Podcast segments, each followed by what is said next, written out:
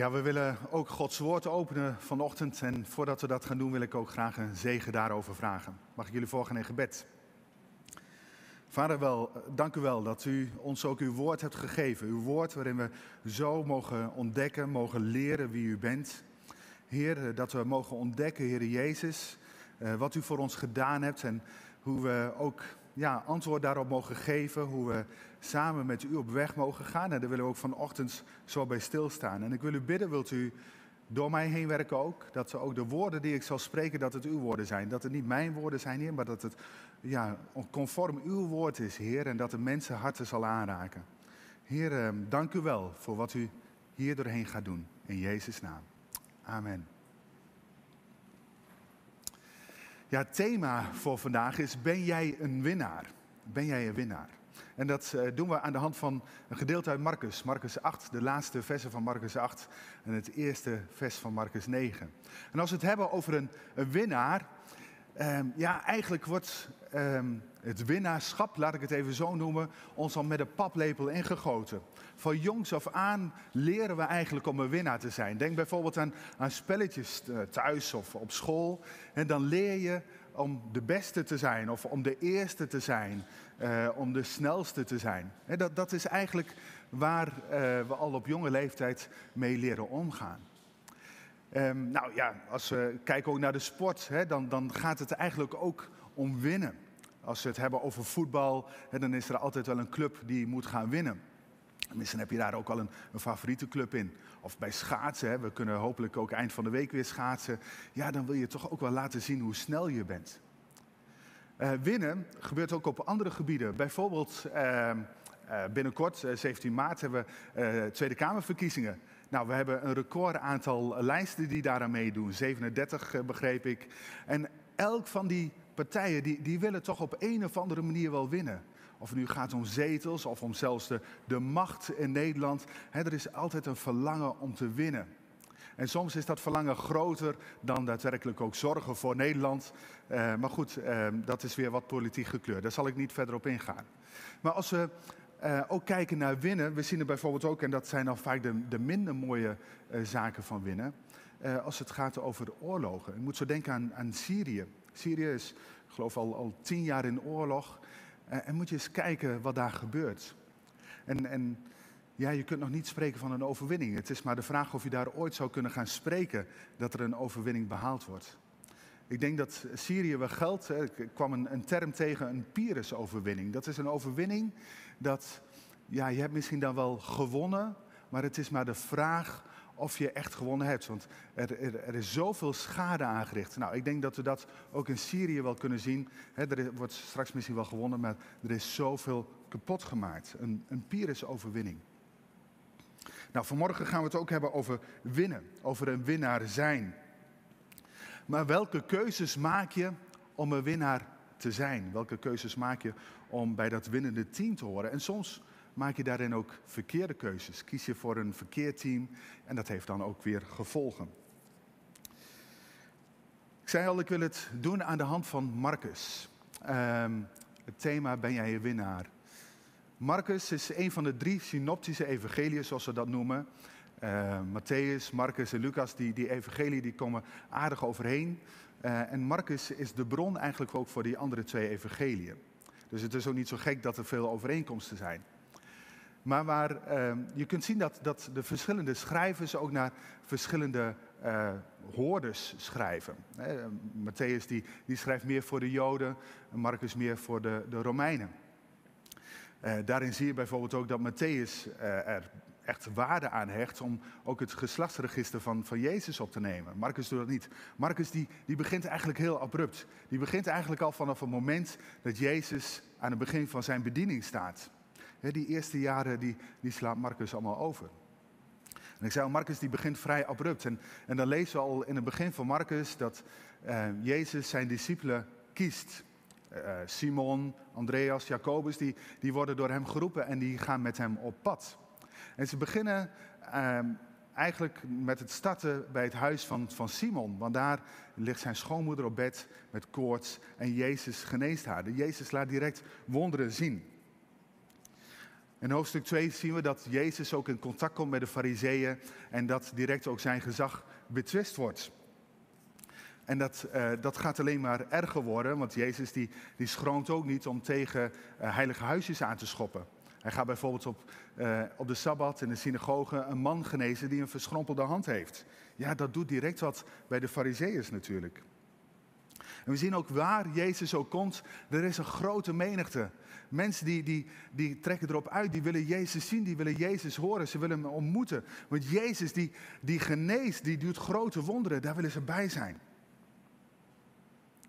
En doordat alles heen geeft Jezus ook telkens onderwijs aan de discipelen. Hij, hij legt hen uit over het koninkrijk van God. Jezus die trekt er met de discipelen op uit en hij komt op heel veel plaatsen. Op een gegeven moment vertrekt hij met de discipelen naar het gebied van de Gerasenen. En daarom moeten ze een man, een man die, die bezeten is van allerlei boze geesten. En Jezus drijft deze geesten uit. En, en die vragen, waar mogen we dan naartoe gaan?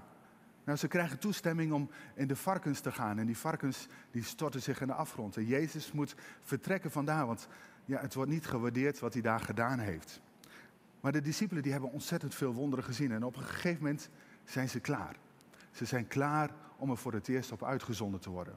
De twaalf worden uitgezonden en ze komen verheugd terug naar hun uitzending. Want ze hebben zoveel meegemaakt. Ze hebben zoveel wonderen en tekenen mogen doen in de naam van Jezus. En ze trekken verder met Jezus. En ze zien weer allerlei wonderen. Wonderen van bijzondere vermenigvuldigingen. Door vijf broden en twee vissen en later nog door zeven broden. Duizenden mensen die gevoed worden door deze wonderen. En dan op een gegeven moment, dan vraagt Jezus aan de discipelen. Wie zeggen de mensen dat ik ben? Wie zeggen de mensen dat ik ben? In Marcus zie je Ehm, heel veel van Petrus terug. En dat is ook niet verwonderlijk, want Marcus die heeft hele lange tijd met Petrus opgetrokken. En Marcus heeft veel opgeschreven van Petrus. En Marcus en, en, Petrus ook, die, die willen er ook niet van alleen maar de mooie kanten afkomen. En dat zien we dus ook in dit gedeelte. Want als, Petrus, of als Jezus vraagt van wie zeggen de mensen dat ik ben? Of wie zeggen jullie dat ik ben? En dan zegt Simon Petrus, hij zegt, u bent de Messias. Petrus die beleidt daar dat Jezus de Messias is. Maar tegelijkertijd zien we dus ook die minder mooie kant, want een paar versen later, dan bestraft Jezus hem. Dan zegt hij, ga weg achter mij, Satan. En dan zijn we aangekomen bij hoofdstuk 8, vers 34. En ik zal zo meteen even uitleggen waarom ik ook deze aanloop neem. Marcus 8 vanaf vers 34 en ik lees uit de nieuwe Bijbelvertaling. Hij riep de menigte samen met de leerlingen bij zich en zei: Wie mijn volgeling wil zijn, moet zichzelf verloochenen, zijn kruis op zich nemen en zo achter mij aankomen. Want ieder die zijn leven wil behouden, zal het verliezen. Maar wie zijn leven verliest, omwille van mij en het evangelie, zal het behouden. Wat heeft de mens eraan als hij de hele wereld wint, maar er het leven bij inschiet? Wat zou een mens niet over hebben voor zijn leven? Wie zich tegenover de trouweloze en zondige mensen van deze tijd schaamt voor mij en mijn woorden, zal merken dat de mensenzoon zich ook voor hem schaamt, wanneer hij komt in het gezelschap van de heilige engelen en bekleed met de stralende luister van zijn vader. Verder zei hij ook nog, ik verzeker jullie, sommigen die hier aanwezig zijn, zullen niet sterven voordat ze de komst van het koninkrijk van God en al zijn kracht hebben meegemaakt. Tot zover dit gedeelte Marcus. Ik zei al, het thema voor vandaag is, ben jij een winnaar? Nou, wat zien we dat Jezus hier doet? Hij doet duidelijk een beroep. Hij doet een duidelijk een beroep op de mensen. Hij doet duidelijk een beroep op jou. ik zei al even, we hebben net een, een hele aanloop genomen naar dit moment toe. Je ziet eigenlijk dat, dat Jezus een soort van opbouwt een, uh, richting een bepaalde climax. De discipelen hebben ontzettend veel gezien. Ze zijn met Jezus opgetrokken. Ze hebben ontzettend veel van hem geleerd. En nu roept Jezus hen bij elkaar. Sterker nog, Jezus roept als eerste de menigte bij elkaar en dan ook de discipelen. En, en, misschien voel je die spanning een beetje op dit moment. Want de discipelen en de menigte hebben zoveel gezien. Overal waar Jezus kwam, daar wilde de menigte ook bij hem zijn. En nu Jezus die zegt, kom, kom dicht bij mij dit is een moment dat, dat Jezus wat wil gaan vertellen. Hij, hij, hij gaat er misschien wel weer nieuw onderwijs geven. Wat, wat zal er gaan gebeuren? Wat zal er gaan, eh, misschien gaan ze wel weer een wonder meemaken. Ze weten het nog niet. En, en vol verwachting zien ze uit naar dit moment. En dan zegt Jezus, wie wil mijn volgeling zijn? Wie mijn volgeling wil zijn? Ja, de.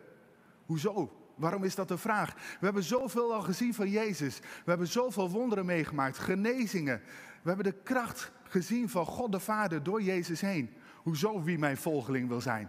Dat wil toch iedereen? Ja, waarom is dat de vraag? Maar Jezus gaat verder. Wie mijn volgeling wil zijn, die moet zijn kruis op zich nemen en mij volgen.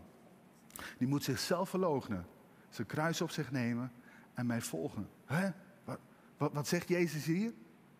Je kruis op je nemen, jezelf verloochenen.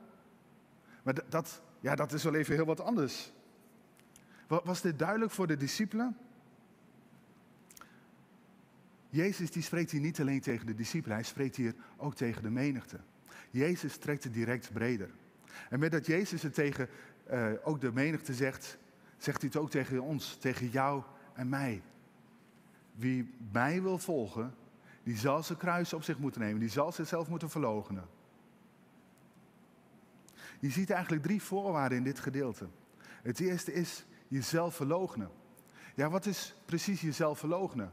Nou, jezelf verloochenen, dat is eigenlijk jezelf wegcijferen. Je, je bent niet meer belangrijk. Het gaat niet meer zozeer om, om wat jij wilt. Het gaat niet meer zozeer om, om wie jij bent. Het gaat niet om wat jij doet. Het gaat zelfs zo ver dat bij jezelf verloochenen dat je bereid moet zijn om je leven voor de ander, om je leven voor Jezus op te geven. Dat is wat er bedoeld wordt met jezelf verloochenen. Dat is de eerste voorwaarde. De tweede voorwaarde is je kruis op je nemen. Je kruis op je nemen. Voor de discipelen en de menigte was dat heel duidelijk. Zij leefden onder de Romeinse bezetters. En in die tijd was het heel gebruikelijk voor misdadigers om die te veroordelen en aan een kruis te hangen. En ze moesten een eigen kruis dragen naar de plek van executie. Een verschrikkelijke dood, een verschrikkelijke marteldood. We hebben het gezien bij Jezus en de misdadigers die naast hem hingen. Het was direct duidelijk wat de consequentie was voor de discipelen en voor de menigte wanneer ze Jezus zouden volgen. En de derde voorwaarde, dus de eerste is jezelf verloochenen, de tweede je kruis op je nemen en de derde is mij, Jezus, blijven volgen. Die derde voorwaarde betekent dat je bereid moet zijn door dit alles heen toch achter Jezus aan te gaan. En dat je daarin ook blijft volharden op momenten ook dat het moeilijk is. Wanneer je Jezus volgt, dan ga je op momenten krijgen dat het gewoon moeilijk is. En laten we eerlijk zijn, als je, als je zo deze boodschap hoort, hè, dan, eh, ja, wie, wie mij wil volgen, nou dat, dat is in eerste instantie misschien nog niet zo heel ingewikkeld. Maar wanneer je dan hoort wat de consequenties zijn, wanneer je bereid moet zijn om zelfs je leven voor Jezus te geven, ja, laten we eerlijk zijn, dat klinkt toch niet heel erg aantrekkelijk. Dan, dan, dan bedenk je misschien nog wel eens, van ben ik echt wel bereid om dat te doen? Zou ik dat willen? Wil ik mijn leven geven voor een ander? Wil ik mijn leven geven voor Jezus? Is het mij dat waard? Maar wil je winnaar zijn? Wil je winnaar zijn, dan kost je dat wat. Kijk naar de sport. Mensen die op uh, uh, topniveau sporten, die moeten zoveel ja, loslaten. Die moeten zoveel zich ontzeggen om op dat niveau te blijven. Wil je een winnaar zijn, dan kost het je wat. Wil je een winnaar zijn in het koninkrijk van God, dan kost je dat misschien wel je leven. Dat is een enorme paradox. Winnen door te verliezen. En natuurlijk, er zijn voldoende mensen die, die ook proberen te winnen met, met ja, minder zuivere motieven, laat ik het maar zo zeggen. Je hoort misschien wel eens van die verhalen. Mensen die bijvoorbeeld handelen op de beurs. Nou, het is maar zeer de vraag of je ook zou moeten handelen op de beurs. Hè, dat is weer een heel ander verhaal. Maar mensen die dan met voorkennis gaan handelen. Die weten, nou, als ik dit ga doen, dan, dan gaat er dat gebeuren. Of ik heb gehoord, zus en zo. En dan gaan ze handelen. Dan gaan ze winnen door bijvoorbeeld te verliezen. Of bij matchfixing bijvoorbeeld in voetbal, maar ook in andere sporten komt dat wel, wel voor. dan wordt er iemand omgekocht om een partij toch naar zijn hand te zetten om bewust te verliezen, doordat toch de andere kan gaan winnen. En dat is met verkeerde motieven. Maar daar gaat het hier niet om. Het winnen door te verliezen, dat gaat hier vele malen dieper. Ben jij bereid om je leven te geven? Ben jij bereid om je leven te geven voor de ander? Net zoals Jezus dat deed. Ben jij bereid om alles op te geven? Dat alles wat je hebt, dat alles wat je bent, dat het niet meer telt. De menigte en ook de discipelen die werden hiertoe opgeroepen. Zij werden opgeroepen om alles op te geven. En ook vanochtend word jij, maar word ook ik hiertoe opgeroepen. Zijn wij bereid om als winnaar uit de bus te komen door alles te willen verliezen? Jezus is er heel duidelijk over. Wanneer je omwille van Hem alles verliest, wanneer je omwille van Hem en het Evangelie alles loslaat, dan zul je het behouden. Dan klinkt daar ook direct een hele mooie belofte. Jezus weet heel goed hoe de mensen dachten in die tijd. Jezus weet heel goed hoe de mensen nu denken, anno 2021. Als we kijken naar, naar onze wereld, hè, dan is alles erop gericht om, om het maar goed te hebben. Om welvaart te creëren. We moeten het goed hebben. We moeten gezond zijn. We moeten proberen om ons leven hè, te verlengen. Eh, dat, dat is iets waar we op gericht zijn. We zijn gericht op onszelf. En zeker niet op de ander. In de voorbereiding moest ik denken, en misschien is het een beetje een raar voorbeeld, maar ik moest denken aan, aan twee programma's. En ik wil ze toch maar even noemen. En misschien ken je ze wel, ik, ik kijk, ze echt niet. Eentje heb ik maar één keer gekeken, de ander uh, twee, drie keer denk ik. Uh, maar dat zijn twee programma's. De ene is Massa is Kassa, met de familie Gillis. Uh, ik zie al iemand achter de camera beginnen te lachen. en de andere is Steenrijk Straat Arm. Bijzondere programma's. Maar daarin zie je dat de, mensen die komen daarin naar voren die het zogezegd gemaakt hebben. Ze hebben eigenlijk alles wat hun hartje begeert. Ze kunnen alles doen, ze kunnen alles kopen, ze kunnen bijna alles naar hun hand zetten. Maar is het dat waar het om gaat? Is dat ook wat we proberen na te streven? En begrijp me goed, ik, ik gun het iedereen om het goed te hebben. Het gaat er alleen om, hoe ga je daarmee om? Wat doe je met de rijkdommen die je gekregen hebt? In Marcus 10 en ook in Matthäus 19 staat er een heel mooi verhaal over over die rijkdom. Hoe ga je daarmee om? Het verhaal van de rijke jongeling. En misschien ken je dat verhaal. Er komt een rijke jongeling bij Jezus. En die zegt: Jezus, ik wil u volgen. Wat moet ik doen om, om, om bij u te horen? En Jezus heeft een hele duidelijke boodschap. Hij zegt: Joh, verkoop alles wat je hebt. Want hij wist, Jezus wist, dat deze man nogal hing aan zijn bezittingen. Hij zegt: Verkoop alles wat je hebt. En verdeel de opbrengst onder de armen. En volg mij dan. En deze man was teleurgesteld met dit antwoord. Want hij zat zo vast aan zijn bezittingen dat hij dat gewoon niet los kon laten om Jezus te volgen. En Jezus zei tegen zijn discipelen: Weet je, het is veel gemakkelijker voor een kameel om door het oog van een naald te gaan dan voor een rijke om het koninkrijk van God binnen te gaan. Zo zie je wat, wat bezittingen kunnen doen met ons. We kunnen daar helemaal in vastzitten.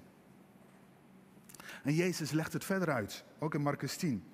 Je wint door te verliezen, kunnen we daaruit halen.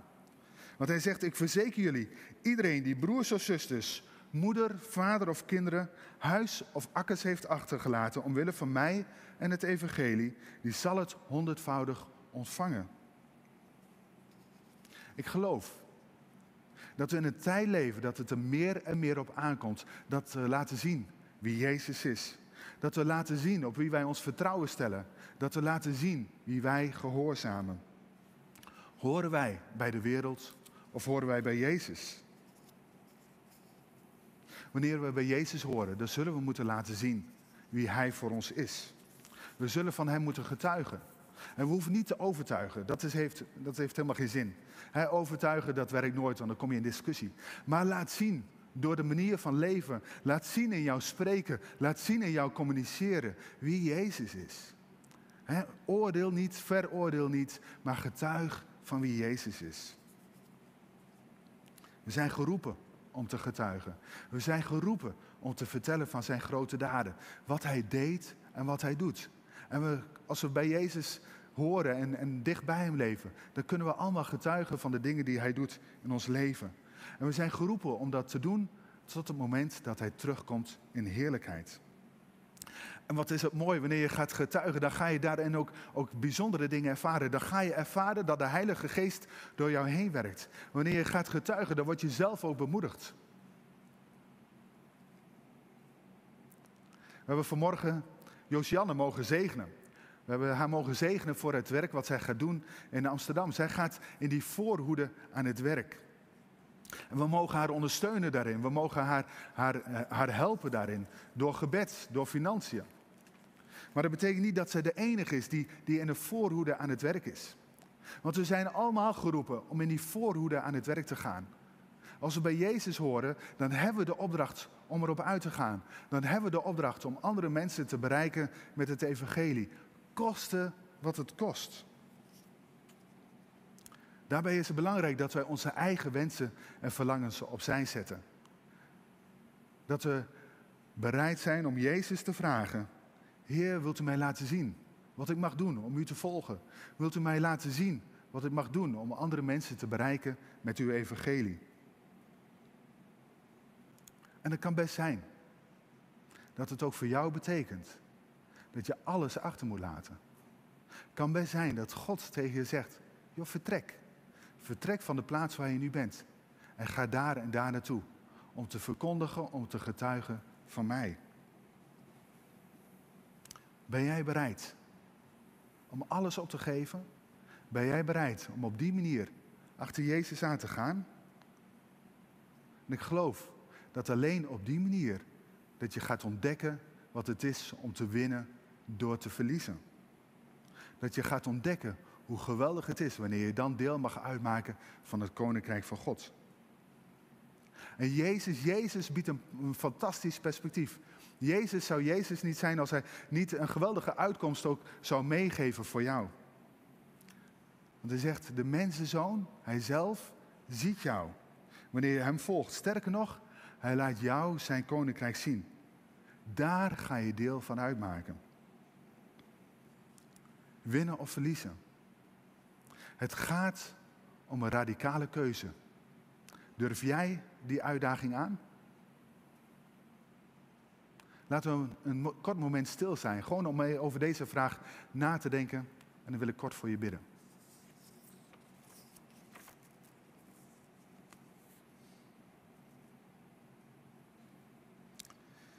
Ja, Heer Jezus, ik wil u danken dat we zo mogen ontdekken uit uw woord, Heer, van wat, wat u van ons vraagt.